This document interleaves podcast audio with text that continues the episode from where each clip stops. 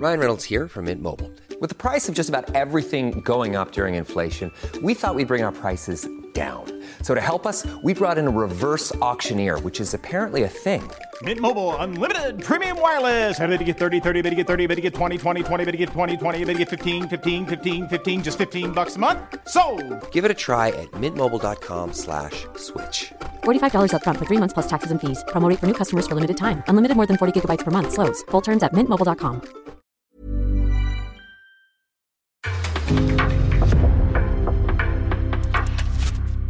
En podcast från Aftonbladet. Vi säger stort grattis till mesta mästarinnorna Lyon och den svenska målvakten Emma Holmgren. Men hallå, vet ni inte ni vilka vi är? För att vi tror stenat på oss själva och vet hur bra vi är. Och ja, det går vi ut och visar i finalen. Ja, Holmgren är veckans gäst, men den här veckan så får vi göra en hel del röster från fotbollssverige. Om tabelläget i damallsvenskan, publiken och den stundande cupfinalen. Kommer det bli en grisig tillställning på Malmö IP? Så vad väntar vi på? Nu sparkar vi igång!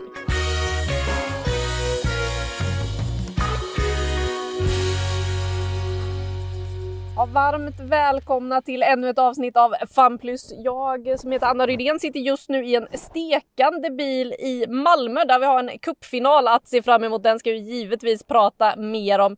Med mig så har jag också från Göteborg nyligen hemkommen min kollega Petra Thorén. Petra, hur är läget?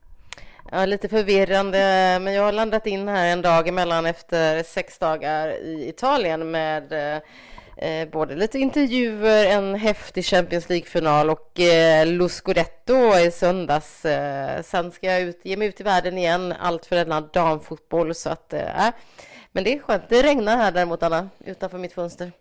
Ja, det har det gjort här nere i Malmö faktiskt också, men lagom till att jag kunde sätta mig i bilen och jobba med tak över huvudet, ja då kom solen. Eh, så att eh, vi får väl se. Olivia Skog varnade för stormen på torsdag. Vi får väl se om det spelar in till matchen också. Och så har vi också med oss Viaplays expert Per Lagerström. Per, hur är läget med dig?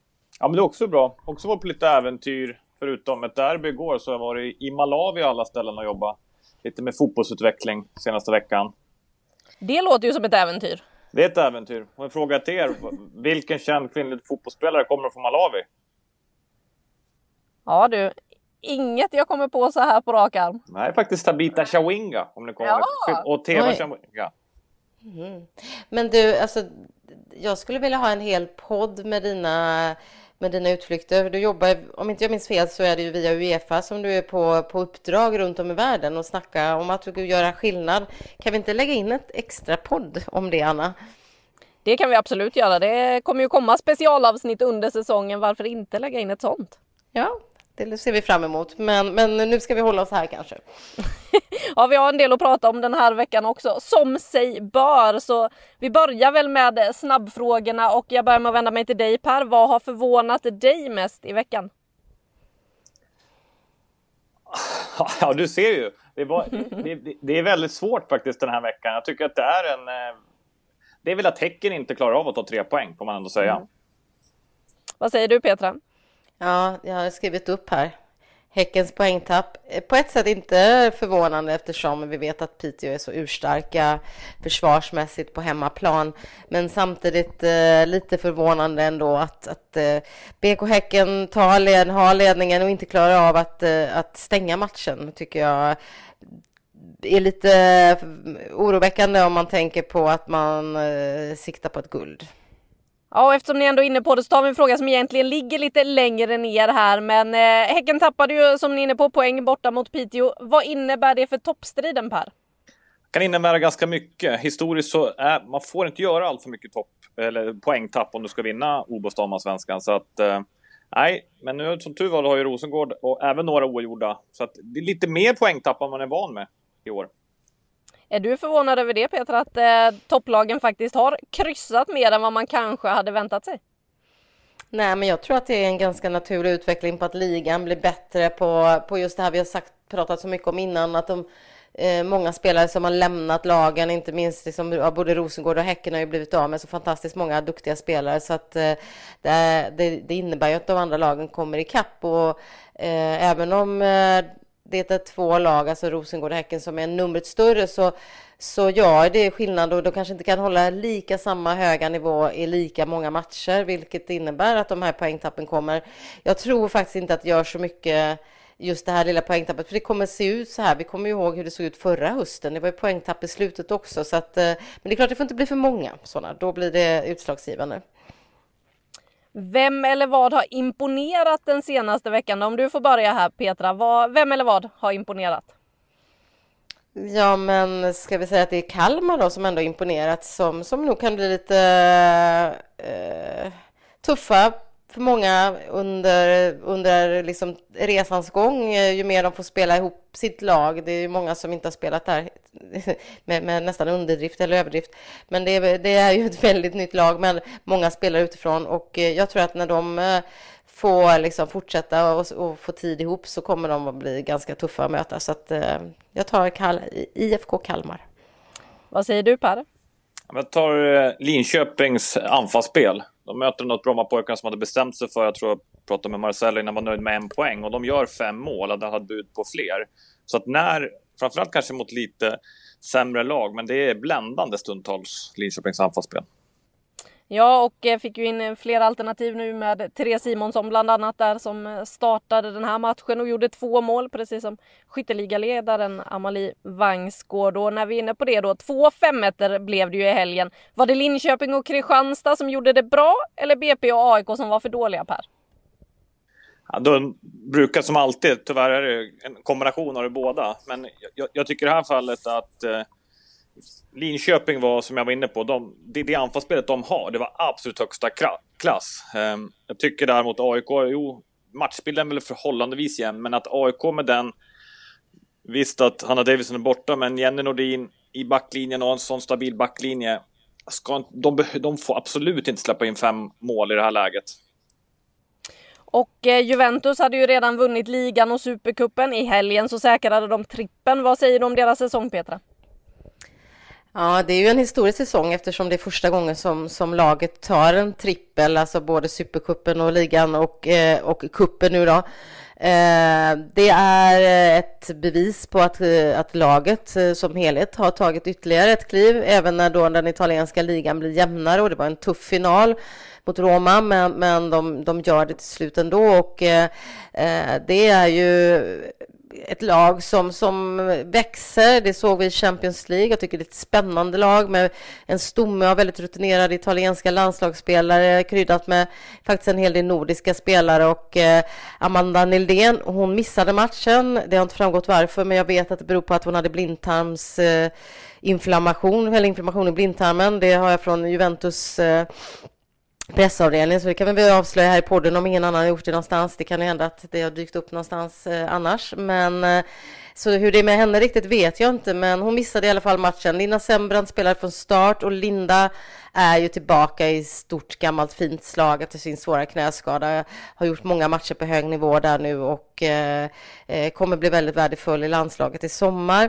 Lina Hurtig eh, kom in, eh, vet att Lina utifrån de samtal jag har haft med henne nyligen då inte riktigt är nöjd med sin målproduktion och eh, känner att hon har mer att ge där och eh, eh, så där har, finns det en, en nivå till men eh, med ny tränare eh, lite annat stuk kanske på, på spelet i Juventus. Jag tycker de tar kliv och, och häftigt att se. Det blev ett långt svar, men så fick det bli. så fick det bli, det gillar vi ändå och eh, ja, du är inne på det, det kommer komma mer om Lina Hurtig framöver. Eh, det kommer ju dyka upp en massa kring det stundande fotbolls-EM. Så alla ni som är intresserade av damfotboll och lyssnar på den här podden, håll utkik på Sportbladet eh, för eh, vi jobbar febrilt inför sommarens stora fest. Men med det så lämnar vi snabbfrågorna. Vi ska in på rubrikerna och vi ska börja i damallsvenskan där eh, vi ju nu har en tabell som har satt sig. Eller vad säger du Per? Jo, men jag undrar om inte riktigt har gjort det här. Man tittar, man tittar på tabellen och har vi ett topp sex klubbarna, det är väl de man har nästan förväntat sig där med Kristianstad på sjätte plats med 18 poäng, Vittsjö 19, Eskilstuna 19, Linköping, Häcken, Rosengård. Där har vi nog de som kör upp, tror jag, om Champions League-platserna.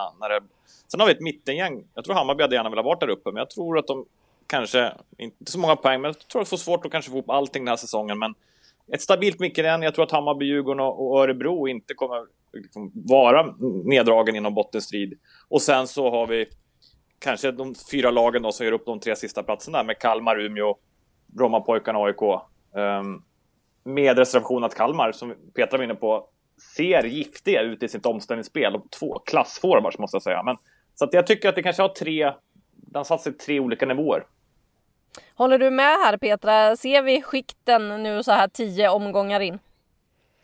Ja, men det gör man. Jag tycker att för ett, om vi backar två eller tre omgångar så, så såg det ju inte ut som, så som man hade kanske förväntat sig att tippat inför säsongen, men, men att det börjar liksom utkristallisera sig eh, mer och mer nu då. Och, eh, eh man säger väl ofta, liksom, eller tränare brukar säga att det tar 67 omgångar innan man kan se trender. Nu är vi uppe i 10 omgångar, så det är definitivt eh, liksom trender i, i det här vi kan se.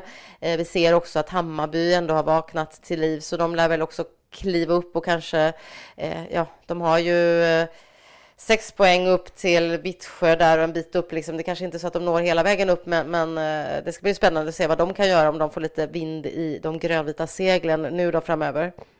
Ja, vi kan väl bara lyssna lite hur skönt de själva tyckte det var att skrämma bort derbyspöket eh, borta mot eh, Djurgården. Så jävla skönt det finns inget skönare än att vinna mot eh, Djurgården och eh, Gnaget. Så att, eh, det känns väldigt bra.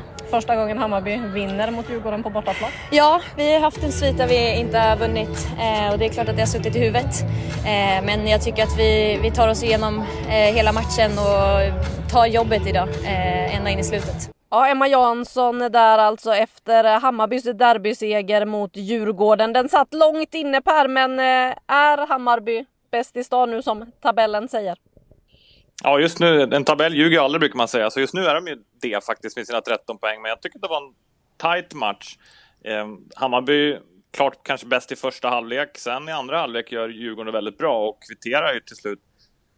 Får man ändå säga rättvist. Och efter Djurgårdens 1-1 mål, då tar de över den här matchbilden. Så att det blir, jag tror att det är otroligt skönt för Hammarby att göra det där 2-1. De har i sig, i och för sig många hörnor och en väldigt skicklig servare i Nevin som slår dem väldigt bra, så det var en tidsfråga. Men eh, det där var en tight match. Det som talar väldigt mycket för Hammarby, det är ju ändå att de kommer bara bli bättre. Att en sån spelare som John Andersson kom in i laget, Kyra Cooney Cross, en del skador. Så att, eh, ja, just nu är de ju faktiskt bäst i stan, det är tight. Och jag tror att de kommer vara det när serien är slut också. Och om vi blickar lite i det här övre skiktet då så är det ju lite intressant. I och med Häckens poängtapp senast så är de ju faktiskt på samma poäng som Linköping. Och innan ni får svara på vad det är som gör Linköping bra i år och eh, varför de är uppe där på den där nivån och om de kanske till och med kan utmana Rosengård och Häcken så ska vi lyssna på vad tränare André Jeglets eh, säger. Alltså, jag, jag tycker väl om ni liksom jämför oss med lite grann i fjol så tycker jag vi har liksom en uh en sån grund i vad vi vill göra. Det är ganska tydligt. Spelarna vet vad vi söker för ytor oavsett hur motståndarna gör. Och det tycker jag är väldigt... Alltså, det gör att vi eh, är svåra, tror jag, att stänga ner helt och hållet. Sen så tycker jag att vårt försvarsspel är, är klockan. Det tycker jag väl har varit nyckeln. Att vi kan vinna bollen så högt upp på plan så ofta. Eh, det gör att motståndaren får aldrig tid att vila. Jag skulle väl säga att det är de två grejerna. Ja Per, eh, vad tror du? Vad, kommer Linköping vara med och eh, rent av kunna utmana de här två som vi har pratat om som de stora SM-guldkandidaterna?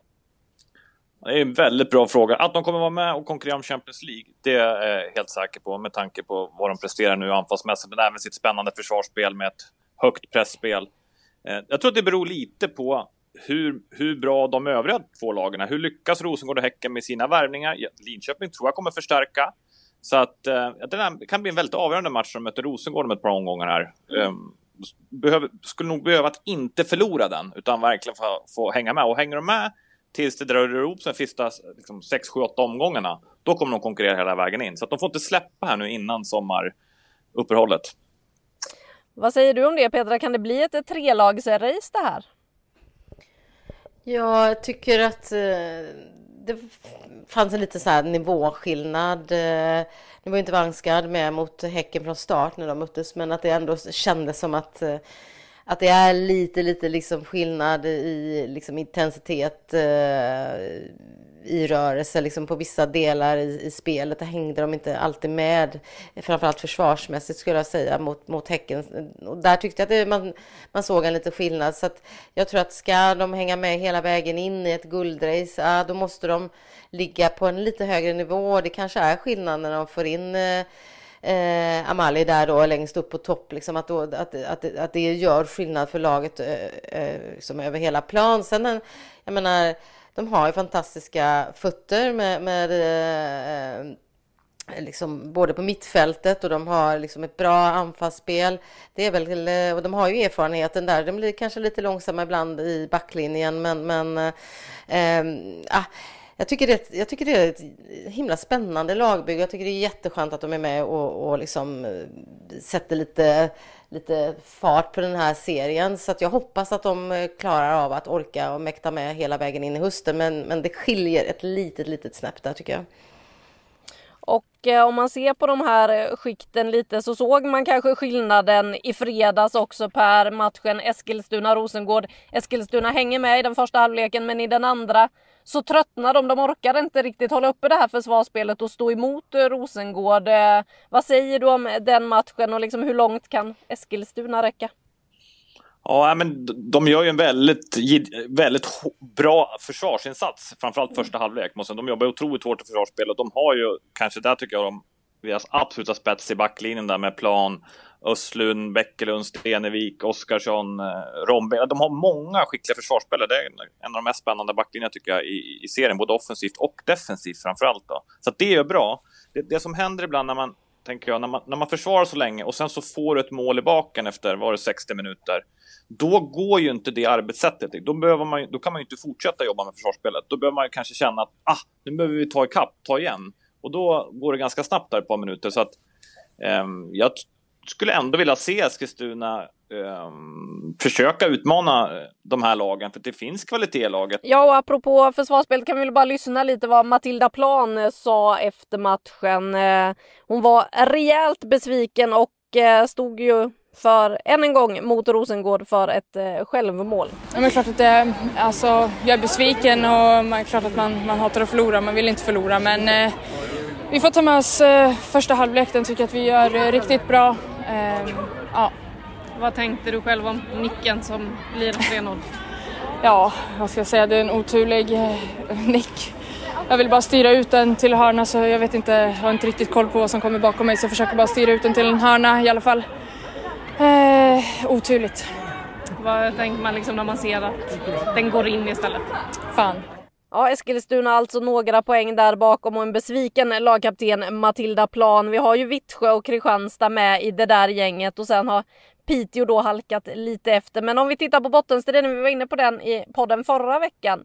Vilka lag tror ni åker ut? Eh, om ni bara sådär helt apropå uppstuds här nu får eh, säga vilka lag som inte kommer klara sig kvar. Vem vill börja? Jag kan börja. Jag tror att det blir, bo, jag tror att det blir AIK och BP. Bra, rakt, snabbt svar Petra. per? ja, men jag tror att det blir bra BP. Ehm, de har eh, en långsiktighet i sin satsning och kanske tror jag inte kommer att bygga om kanske jättemycket utan de jobbar med sina spelare, vilket kan vara bra för dem. Kanske mycket väl komma tillbaka. Sen AIK, på något sätt hoppas jag verkligen att AIK som förening gör en ordentlig satsning här nu. De har gjort träningar och öppnat plånboken, precis som man gjorde för ett par år sedan med herrarna när de låg långt ner i serien. Och det är en stor klubb som jag tycker ska vara i Obostamansvenskan. Så att kan de göra någonting rejält i sommar, eh, då finns det ju ekonomiska muskler där. Då kanske de kan ta sig tillbaka. Och då undrar jag om inte Umeå IK kan få lite, för där tycker jag att deras försvarsspel Eh, blotta sig. De åker på lite för enkla mål lite för ofta. Så att jag säger då, då förutsatt att AIK öppnar plånboken så Brommapojkarna Umeå. Och det är väl det, jag tycker det är jättespännande det du säger Per, för att eh, det gäller ju att AIK gör det och visar att det, liksom, det är en prestige kring sitt damlag. Eh, tycker inte man har sett samma satsning riktigt från AIKs sida eh, som finns i Hammarby eller Djurgården eh, heller för den delen nu då. Så att eh, det är verkligen en, en prestigenöt att knäcka för den gulsvarta lag, eh, klubbledningen tycker jag. Och skulle man tänka också på det, eh, innan säsongen har man nog sagt, och det är klart att de kommer vara med och konkurrera, IFK Kalmar där, men på något sätt är jag imponerad av deras omställningsspel, men också att de jobbar med två forwards, även som nykomling. Man ser Alicia Walker och Juret Kempi. De två tillsammans känns som att de får ett otroligt bra omställningshot. Så jag tror att de kan få sina treor som gör att de kanske slutar där på och, och klarar sig i alla fall en direkt nedflyttning. Men vi får se. De, jag tror att de kommer vara där nere. Det är de fyra det kommer att handla om. Ja, vi får se. Det är ju fortfarande många matcher kvar att spela, men eh, vi konstaterar ändå att tabellen då verkar ha satt sig lite så här tio omgångar in och och eh, lämnar damallsvenskan där. Vi eh, ska minnas tillbaka på helgen som var och Petra, du ska snart få prata om dina upplevelser i Turin där alltså Lyon tog hem Champions League-finalen. Men eh, vi kan väl börja med att välkomna en mästare. Och då säger vi varmt välkommen till FAM plus till en Champions League-mästare, nämligen Emma Holmgren. Emma, hur är läget? Eh, jo men det är jättebra, det är det. Hur har det varit sedan eh, matchen tog slut i lördags? Eh, jo men det har varit helt eh, eh, fantastiskt så. Vi har firat en hel del och eh, känslorna har verkligen varit på topp. Vi ska prata mer om det där firandet strax, men om vi bara börjar med liksom finalen. Hur var det att kliva in på arenan och veta att man är en del av ett finallag i Champions League? Eh, nej, men det var ja, men, helt fantastiskt. Eh, såklart så. Sjukt eh, stort. Vad säger du om starten ni fick också med Amandine Henris eh, kanon får man väl ändå säga. Jag har tittat på den hur många gånger som helst. Det går liksom inte sluta titta. Jag fattar fortfarande inte riktigt hur det går till. Nej, och uh, jag skulle vara ärlig och säga att jag inte är förvånad över det så heller. För att jag är ju ja, med och tränar med dem varje dag och uh, det är, ja, hon är riktigt duktig på det hon gör. Tror du att uh, folk hade för låga förväntningar på er inför den här finalen? Eh, ja, men om man ska se till eh, media och hur det har snackats så är väl vi lite förvånade över det att eh, men hallå vet ni inte ni vilka vi är för att vi tror stenat på oss själva och vet hur bra vi är och ja, det går vi ut och visar i finalen. Ja, det gör ni ju verkligen. Vad skulle du säga det är som gör er så bra? Um, ja, men framförallt så tycker jag att vi har eh, världsspelare på alla positioner. Men eh, att vi är ett riktigt bra lag där vi, ja men, eh, ja, är riktigt eh, tajta relationer med varandra och vet hur vi arbetar och vart man vill ha boll och ytor och så. Tror du att det spelar in eh, det här någonting, historien? För Lyon är ju mesta mästare i Champions League-sammanhang. Eh, ja men det är klart att vi har en hel del spelare som har den erfarenheten och rutinen och vet vad som eh, eh krävs när man spelar i en final. Vad skulle du säga blev avgörande i den här finalen? Um, nej, men jag tycker som sagt att vi har ett uh, riktigt, riktigt bra lag och uh, vi kommer upp på den nivån som uh, vi bör göra. Hur var det att följa det här från bänken då? jo, men riktigt, riktigt nervöst skulle jag säga. Ehm, jag brukar inte vara nervös när jag spelar, men ja, när man sitter på bänken så blir det en annan typ av nervositet som kommer. Så att ja, sista 15 var riktigt jobbigt. Ja, det måste vara lite eh, skillnad där, för jag menar när man är på planen så vet man ju att då kan man vara med och påverka. Om man är så inne i allting vid sidan om så sitter man bara och betraktar. Ja, men precis som du säger. Så att, ja, nej, det var jobbiga minuter där i slutet. och hur var det att springa in på planen sen då och eh, fira tillsammans med gänget? Vi har sett bilderna där när du hamnar ändå ganska långt ner i den där högen. Eh, ja, men så fort eh, domaren eh, stoppade visselpipan i munnen så var det bara springa allt vad man hade och känslorna bara... Ja, nej, det var fantastisk känsla och kul att få fira med laget. Och, ja. Så hur har ni firat sen dess då? Om vi börjar liksom, hur firade ni i Turin och hur länge var ni kvar där? Eh, ja, men vi firade på planen och i omklädningsrummet och så. Sen tog vi faktiskt flyget hem eh, ja, efter matchen då. Och så firade vi i eh, Lyon. Och så igår så um, ja, firade vi lite med fansen och tackade dem och så. Men vi har ju sagt en viktig match på lördag mot PSG där vi kan eh, säkra ligasegern också. Så att det kommer nog bli ett eh, ganska mycket större firande efter säsong.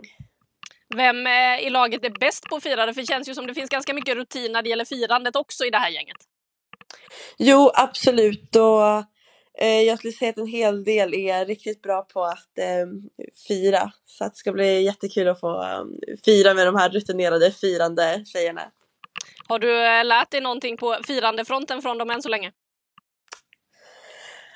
Ja, nej det... Jag får steppa upp lite till och visa hur det ska gå till på riktigt.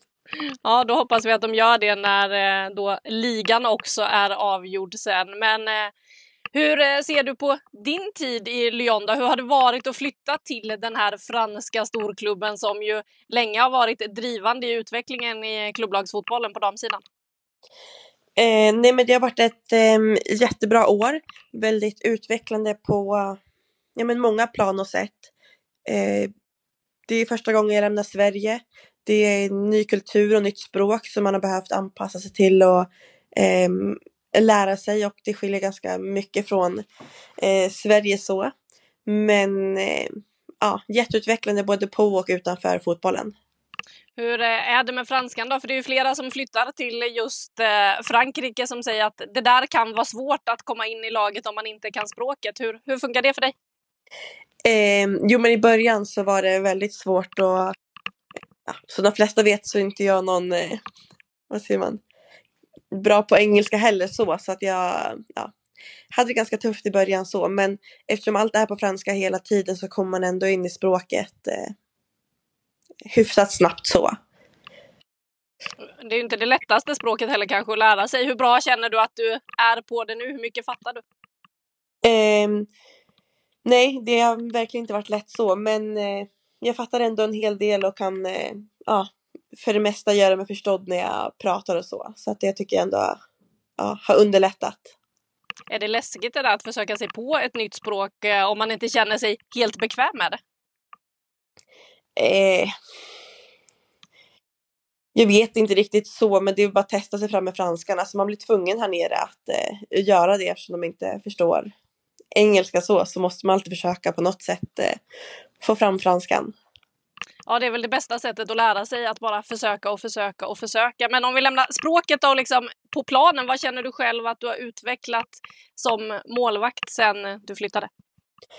Allt går så himla mycket snabbare. Eh, alla beslut, kommunikation, avslut, eh, ja, anfallsspelet med fötterna och allt. Så att eh, jag skulle säga att det är många delar som har utvecklats på planen för att allt går så enormt mycket snabbare. Hur är det att stå i mål på träningen när en sån som Amandine Henry avlossar sitt skott? Eh, nej men det är jättekul och utvecklande att verkligen få eh, ja, men stå mot världens bästa spelare varje dag. Ja, vad betyder den där träningsmiljön? För om man tittar på speltid så har det inte blivit så mycket matchning för din del, men du är ju i en träningsmiljö med några av världens bästa spelare. Ja, men precis och det var någonting jag vägde in när jag tog beslutet att eh, gå till Lyon. Att nej, men nu prioriterar jag enormt bra träningsmiljö. Och eh, det är klart att jag har saknat att eh, spela matcher och stora matcher, och viktiga matcher och så. Men eh, ja, jag kände att jag behöver komma upp i bättre träningsmiljö för att eh, ja, bli en ännu bättre målvakt långsiktigt liksom. Hur är det där då? För du är ju van att vara första målvakten när du spelade här hemma i Sverige, att komma till Lyon och få sitta på bänken? Eh, nej, men det är klart att det är en stor omställning samtidigt som man är förberedd med det mentalt. Så har jag ju saknat enormt mycket att spela matcher.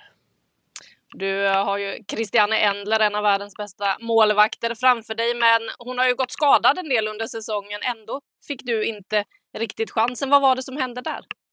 Eh, ja, som sagt så um, ja, har jag haft eh, kommunikation med tränare och så och eh, den förklaring jag har fått är att eh, de vill ha en målvakt som pratar franska. Och eh, det har såklart varit jättetufft för mig för att eh, det visste de om innan jag kom hit. Ehm, så att jag har krigat på med det och även krigat på på uh, fotbollsplanen så. Ehm, jag har fått en del matcher ändå men det är klart att jag hade hoppats på att få ännu fler chanser när uh, Chris var skadad. Hur är det att få den förklaringen? Är det skönt att höra att det handlar om språket och inte målvaktskvaliteterna eller Blir man frustrerad? Eh, nej men jag skulle säga att man blir sjukt frustrerad. Ehm, samtidigt som att hon bekräftar mina fotbollskunskaper eh, så blir man ju nästan bara mer förvirrad. Att, eh, men varför, alltså. Ja, nej, så det har varit mest frustrerande att höra de ja, förklaringarna så. Hur ser du på framtiden nu då? För nu är ju den här säsongen snart slut. Du var inne på det finns fortfarande ligamatcher kvar att spela för er del. Men hur ser du när du tittar i spåkulan framåt? Nej, men att eh, ja, men det är klart att jag vill vinna ännu mer eh, titlar och stora titlar och framförallt spela matcher. Så att, eh, och fortsätta utvecklas. Vad ser du själv som de största utvecklingsmöjligheterna? Eh, nej, men just nu så vill jag tillbaka i matchform igen och komma in i det. Hur eh, svårt är det att hålla igång det när man inte får kontinuerlig matchning som målvakt? Eh, nej, men det är klart att det är svårt så att komma in för det är en del situationer som är svåra att eh, få till på träning som uppstår på match. Men jag tycker att eh, så fort man kommer in i några matcher så är man ändå inne i det. Ångrar du flytten eller överväger du att lämna Lyon eller hur, hur går tankarna? Nej men jag är jättenöjd med det eh, året som har varit. Det är klart att eh, vissa delar är man mindre nöjd med, med till exempel eh, ah, speltiden när Chris skadade sig och eh, även lite annat så. Men att få vara på världens, alltså spela med världens bästa spelare varje dag är enormt utvecklande och det kommer liksom, eh, ah, det har bidragit till att jag har utvecklats och kommer kunna ta eh, ja, men ännu större steg i framtiden. Vems eh, skott är egentligen svårast att ta på träningarna? Eh, ja du, vi har så enormt mycket bra spelare så, men en spelare som jag tycker är ja, jag tänkte säga framtida spelare, men hon är väl en av världens bästa spelare redan nu så, men Katarina Macario, henne måste man hålla koll på i, ja, hon är riktigt, riktigt bra och kommer bli så sjukt mycket bättre också. Ja, det fick ju Barcelona också se i den här finalen eh, som var i helgen. Du, nu är det alltså snart eh, dags att stänga ligan och den här säsongen och då fira på riktigt. Vem tror du kommer vara den som håller i taktpinnen när festen drar igång i Lyon? Ja, jag skulle säga Ellie Carpenter 100%. Men nu med korsbandsskada efter Champions League-finalen. Men eh, jag tror nog att hon kommer eh, hålla taktpinnen ändå. Ja, det var ju otroliga scener på henne där ändå. Man, det gjorde ju ont i hjärtat att se när hon går sönder i den här Champions League-finalen så tidigt. Fortsätter ändå försöka spela. Vad var stämningen efter? Hur, hur verkade hon må? Var hon ändå på bra humör efter segern? Det är klart att hon hade alltså väldigt, väldigt ont. Men eh, och eh, var väl besviken lite att hon inte kunde fortsätta spela eh, Champions League-finalen så. Men hon är en stor, vad säger man, Eh, bidragande faktor till att vi är, eh, till att vi vann och har haft den säsongen vi haft. Vad eh, ser du framför dig när du ser sommaren här då? Vad, vad väntar för dig? Eh, för mig väntar faktiskt eh, lite ledighet hemma i Sverige med, ja, med pojkvän och familj och vänner och det ska bli superskönt. Det kan jag tänka mig. Skönt att få komma hem lite och eh, vila upp sig. Ja, men verkligen. Det har varit ett väldigt intensivt år så att lite ledighet behövs faktiskt.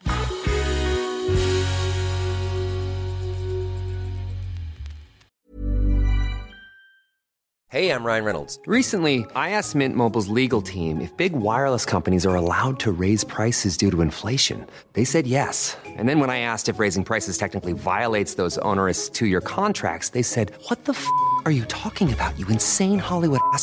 So to recap, we're cutting the price of Mint Unlimited from $30 a month to just $15 a month. Give it a try at mintmobile.com slash switch. $45 up front for three months plus taxes and fees. Promo for new customers for limited time. Unlimited more than 40 gigabytes per month. Slows. Full terms at mintmobile.com.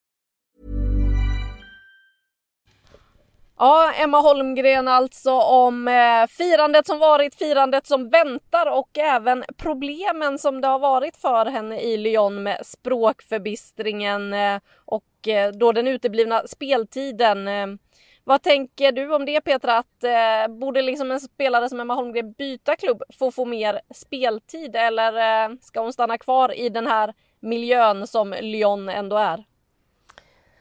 Jag tycker att eh, hon gjorde rätt som tog chansen när hon fick den. För eh, det är ju liksom få förunnat, framförallt på målvaktssidan, att komma i de här riktigt stora klubbarna. Så att det, det tyckte jag att hon verkligen gjorde rätt i. Och sen är det väl en tidsfråga. Eh, liksom hur, hur många år ska rinna iväg det, liksom innan, innan man får, får chansen. Och någonstans så spelar ju alla fotboll för att spela matcher. Eh, och det, det den brytpunkten kommer hon ju komma till. Men, men jag tycker ju att eh, liksom, det, hon, har, hon är i en fantastiskt lärorik miljö och kan säkert ta ett år till där. Men, men sen kanske det börjar bli dags att fundera på om man ska någon annanstans om man inte får chansen då. Vad säger du Per om eh, Holmgrens situation där? Ja, men jag, håller, jag håller helt med Petra. Det är att få träna med de bästa spelarna i världen med det tempot som han på träning tror jag är väldigt nyttigt för en förhållandevis ung målvakt som Holmgren är. Det går oerhört fort, det är avslutstekniker liksom, tekniker och, i, i rang och en mängd olika. Så att, och, och den upplevelsen hon, får ta med sig och att, att hon kan vara där ett, liksom ett par säsonger tycker jag, upp till en två, tre, alltså, upp till tre säsonger. Chansen kan ju också komma när man minst anar. Du kan få ett par skador på målvakten och så får hon chansen. Sen gått över tre år, då tror jag att de måste känna att uh, då kommer hon sin primetime som målvakt. Då behöver hon få spela. Men har man varit Leon, då med, Leon med den erfarenheten så ja, hon kan ha lite tålamod tror jag.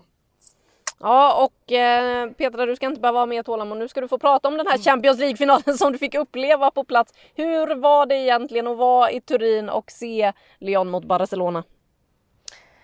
Ja, men det var en fantastisk kväll som egentligen började redan med den här upptrappningen som var på presskonferenserna dagen innan där liksom ja, Barcelona lyftes ju fram som den stora favoriten, Lyon sjufaldiga mästare som den stora utmanaren. Eh, eh, när man fick liksom se hur Wendy Renard, eh, kapten i Lyon, reagerade på de frågorna så kände man så vänta lite, det här, här liksom Lyon har bestämt sig här, de ska visa var skåpet ska stå och eh, hon var, du vet, hon är ståtlig och stor eh, och kraftfull som, som person, eh, mittbacken i Lyon där och eh, hon sträckte på ryggen liksom dagen innan och sa att det är ni som säger det här, det är inte vi som säger det här. Liksom, låt oss spela först, låt oss matchen leva sitt liv. Och eh, mycket riktigt så tyckte jag också att just Barcelona med, eh, de hade Alexia Putellas, eh, den stora skyttedrottningen, den stora stjärnan, det skulle vara hennes final det här eh, var ganska försiktiga också dagen innan för de visste att de möter ett Lyon som de aldrig hade slagit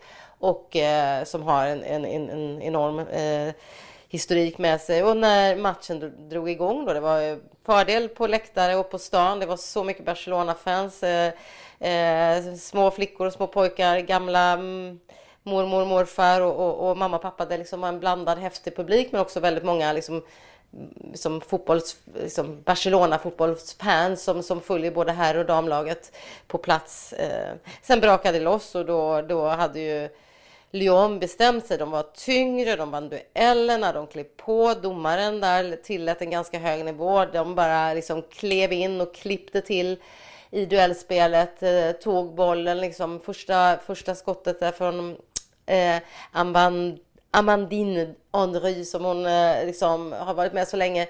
Jag menar hon fläker sig och vinner bollen i första läget. Hon går på boll, lite tveksamt kanske med rakt ben.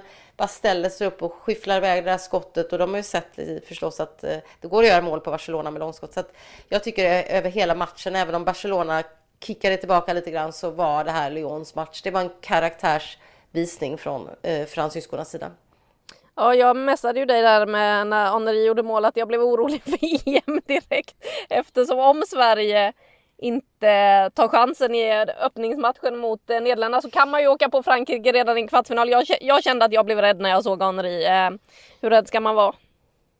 Mm, ja men alltså franska landslaget har ju liksom, de har ju dippat lite, gått lite upp och ner. De har ju alltid haft ett bra lag på damsidan med, med otroliga kvaliteter. Nu är det klart att nu är det många av spelarna som, som verkar liksom vara ett väldigt bra, eh, en bra form och, och eh, framförallt så hade de ett mentalt tillstånd Lyon den här matchen. Liksom de, de, eh, man såg i Barcelona-spelarna var, var ju inte riktigt, riktigt där.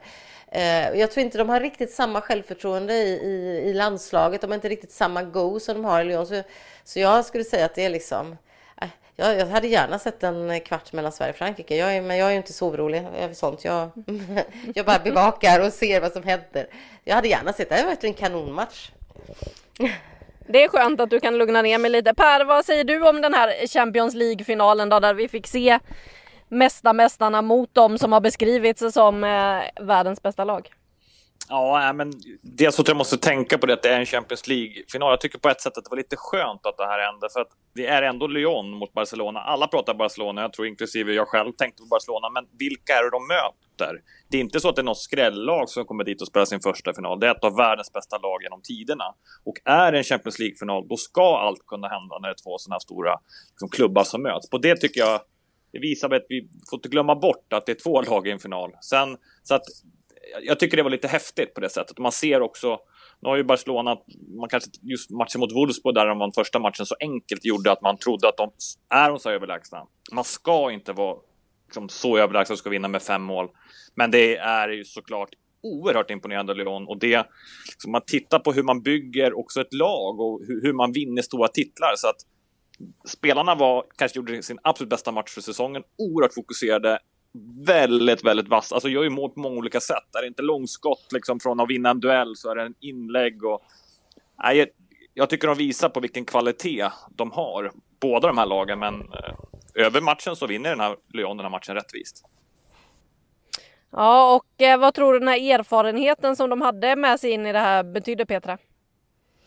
Nej, men jag tror den betyder väldigt mycket och det var många av spelarna som var, som var inne på det i det franska laget eh, efter eh, att ja, men, hur kommer det sig att ni kommer till form alla? Var, fick, de, fick de lite frågor om i, i den lilla mixade zonen.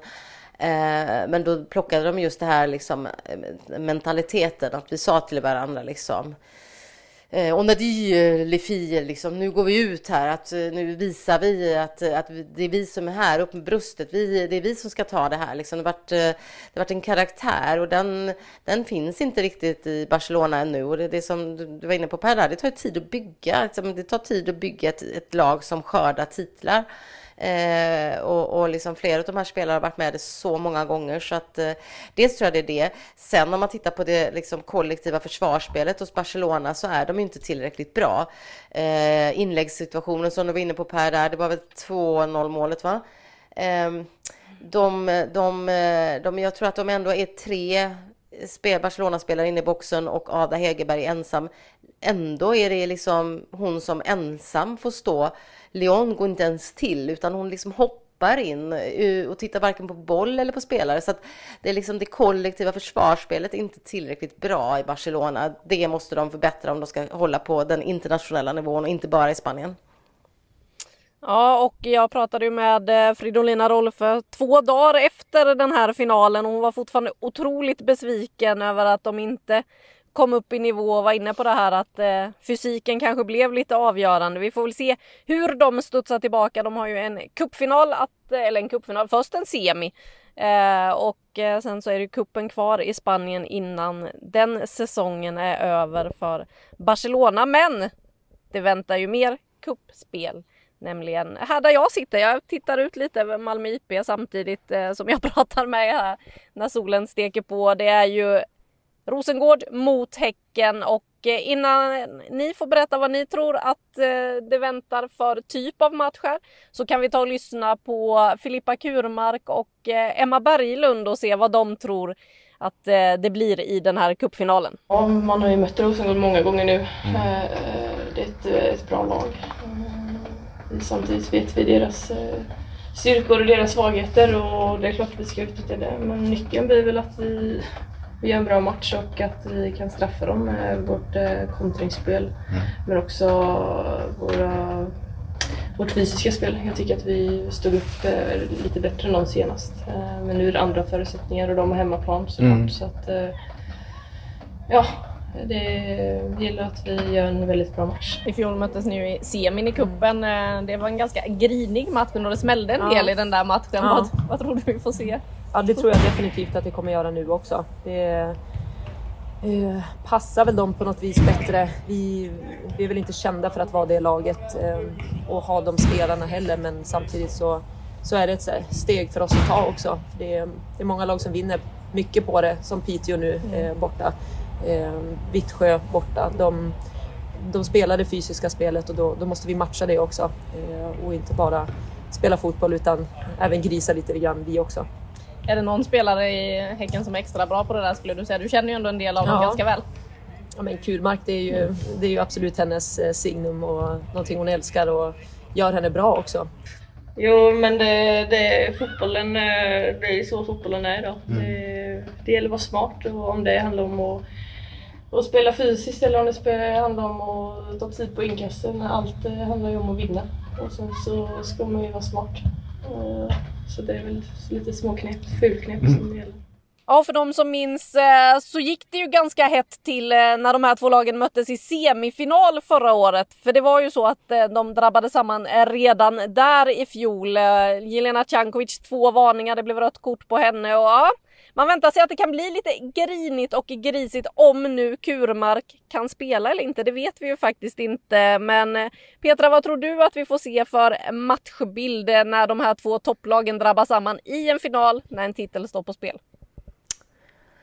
Jag tror att vi får, får se en, eh, en match där de, de lite grann, som jag sett tidigare, tar ut varandra ganska väl i, i sitt sätt att vara. De känner varandra väl, de vet hur precis som svagheter och styrkor i, i motståndarlaget och att, eh, att det kommer prägla matchen lite grann. Man kommer liksom ha en, en lite sån här rond 1, rond 2, rond 3, rond 4 där man, eh, där man eh, eh, vad säger man, dansar omkring i ringen lite grann och känner på varandra och, och, och eh, eh, på så sätt eh, ser om man kan eh, undvika att släppa in det första målet. Sen tror jag ju att det kommer bli eh, liksom eh, grinigt som du är inne på. Det är, det är många spelare som känner varandra. Det är mycket som står på spel. Det är en titel, men det är också prestige.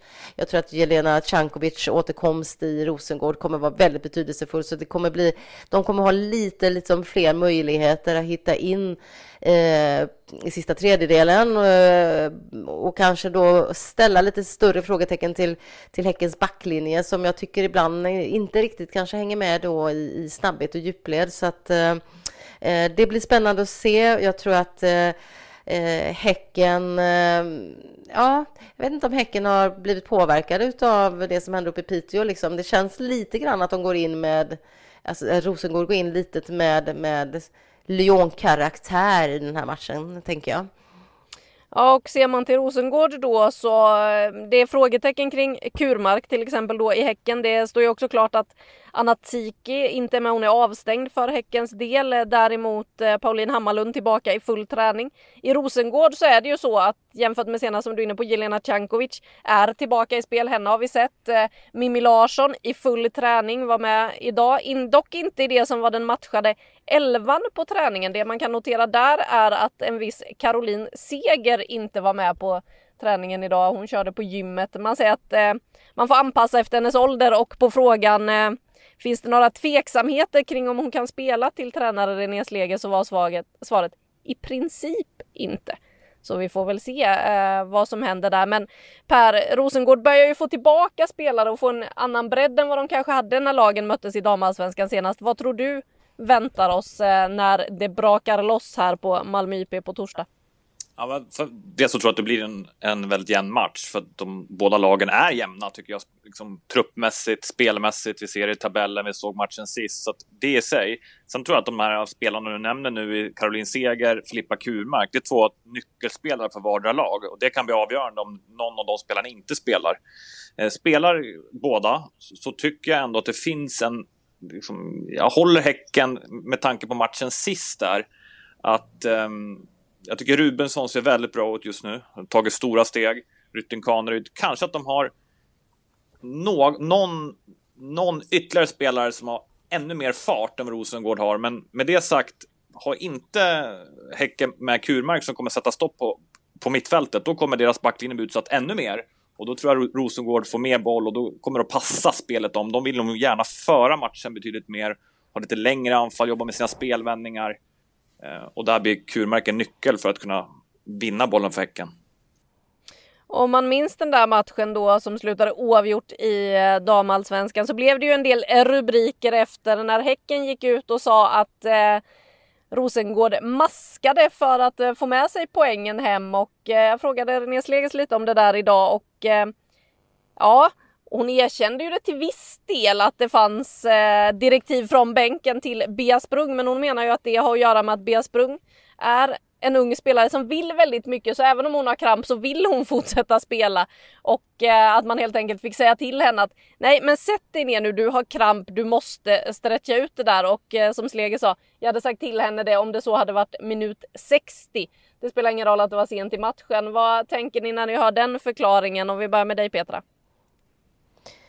Ja, det är klart att eh, det är lite laddat att då säga att man uppmanar sin spelare att, att maska, men eh, om man uppmanar och lär sina spelare att vara taktiskt smarta och dra ner på tempot och använda eh, de här spelavbrotten till att eh, ta det lugnt. De har ju ingen, de har ju ingen anledning att skynda sig om de, om de har ledningen så är det ju en part of the game tycker jag. Jag tycker att eh, eh, det är lite roligt att alla blir så upprörda då. Men det är klart att den här uppmaningen liksom ut till en ung spelare, den är ju inte så sportslig och fair play liksom. Utan, eh, eh, sen är det ju så, är, är, man skadad och har ont, och jag kan också vara lite irriterad på när man ser internationella herrmatchen när de har kramp ideligen och sen så studsar de upp igen. Liksom. Det får ju finnas någon måtta på det här så jag vill inte att man utvecklar den formen av spelförstörelse men, men eh, ett visst mått av taktisk eh, finess tycker jag är tillåtet. Ja, och vi kan ju också notera där att en annan av situationerna som diskuterades i den där matchen, det var ju Mimmi Larsson. Vi har inte sett henne spela sedan dess så att, eh, att hon skulle hålla på och fejka ville ju Rosengård vara tydliga med att så var ju inte fallet. Men Per, hur mycket fulspel tror du att vi kommer få se? Vilka har flest tjuvknep med sig in i den här matchen?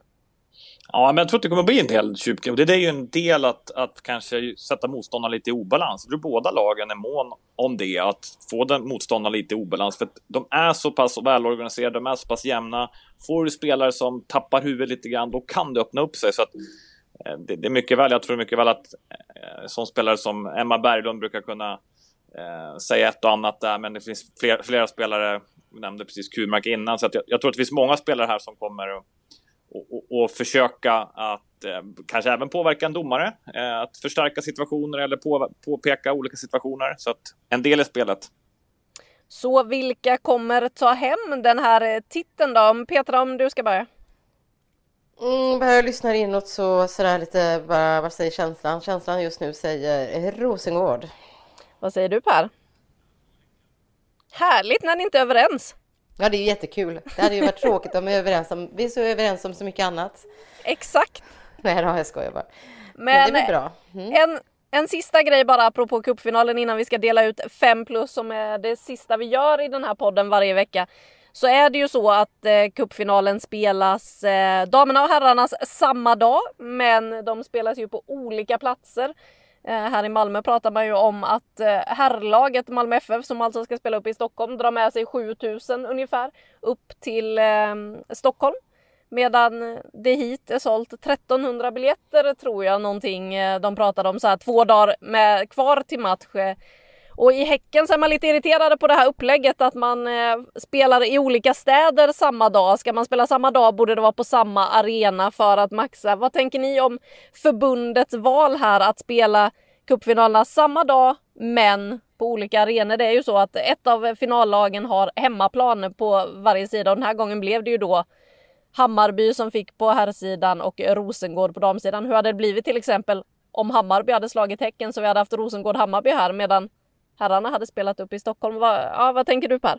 Ja, men jag tänker att jag tror syftet med att ha det på en dag är att skapa en, liksom en, en större hype kring kuppen och då tänker jag tillbaka. Jag tror att det var ett VM i eh, Kanada var det. Jag tror det var Edmonton och då Eh, ett dam-VM och då spelas, vi var där och tittade, då spelas en match först och så stannade publiken på arenan och så var alla och käkade och hände och så spelas nästa match efteråt. Jag tyckte det var en väldigt häftig upplevelse, så det var kul att se i kuppen och det gått att göra på det sättet att här är man både liksom en fanclub och det är runt matchen det händer grejer och så ramar man in det som ett superevent. Det hade jag tyckt varit väldigt spännande. Vad tänker du Petra om eh, det här upplägget och liksom om det hade blivit så att Hammarby hade spelat ja, damlaget nere i Malmö och herrlaget hemma i Stockholm? Ja, men det hade ju blivit väldigt knasigt eh, och jag tycker i grunden att jag tycker också om att man har skapar en kuppdag, eh, en finaldag. Jag tycker att man i allra möjligaste mån på alla möjliga sätt ska undvika att konkurrera om publiken så att för det är oftast damlagen som blir drabbade så att det är klart att att man eh, hellre hade sett att det faktiskt i det här läget spelas på olika dagar så att det kunde fylla på lite mer på läktarna nere i, i Malmö då, för Rosengårds del. Ja, vi får väl se hur mycket publik det blir här på Malmö IP när det är dags på torsdag. Men eh, med det sagt så är det dags att dela ut 5 plus och det ska du få göra Per och det handlar ju om just publiken. Ja, det gör ju det. Vi har varit lite gnälliga kanske tidigare och jag tycker också det är viktigt att uppmärksamma. Så 5 plus får alla som har gått på, på matcherna någon gång. Det var tre matcher som var över, eh, som hade fyra, fyrsiffrigt. Över 2000 i, i derbyt och nästan 2970 på Tunavallen, Eskilstuna och uppe i Piteå närmare 1400. Så att det är ett snitt som går åt rätt håll och det tror jag är väldigt viktigt. Publik brukar föda publik. Bra gjort och jag undrar om man summerar den här omgången och tittar på liksom sporter, lagsporter i Sverige så tror jag att det här ligger väldigt högt. Eh, så att ni som inte var där kan ju också passa på att gå dit så blir det ännu fler. Och eh, vi kan väl lyssna på Tove Almqvist då i Djurgården vad det betyder att faktiskt ha fansen på plats och förhoppningarna om att de kommer tillbaka. Eh, och det är kul att man kan komma till stadion en, en måndag och eh, få se så här rolig fotboll som det var idag tycker jag. Det känns som att det var mycket chanser och ja, uppstod många, många situationer där det, det leder till målchanser så att eh, ja, Hoppas du att lite av den här publiken kommer tillbaka framöver också efter en match som den här? Ja men det hoppas jag. Jag gick förbi dem och det, de visade ut otroligt stöd. Eh, såklart vill man inte svika dem och det känns tråkigt att vi inte lyckas ta hem tre poäng idag men vi fick många stöttande ord så det känns skönt att ha dem bakom oss. Och med det hörni så närmar vi oss eh, slutet här. Jag tackar dig Per för att du hade tid att vara med den här veckan. Jag tackar dig Petra. Vi ska också tacka Julia som har haft en hel del att klippa med eh, alla som har fått vara med i den här veckans program och givetvis dig som lyssnar. Jag hoppas att eh, vi hörs igen nästa vecka för då är det dags för ett nytt avsnitt av 5 plus. Tills dess, ha det fint!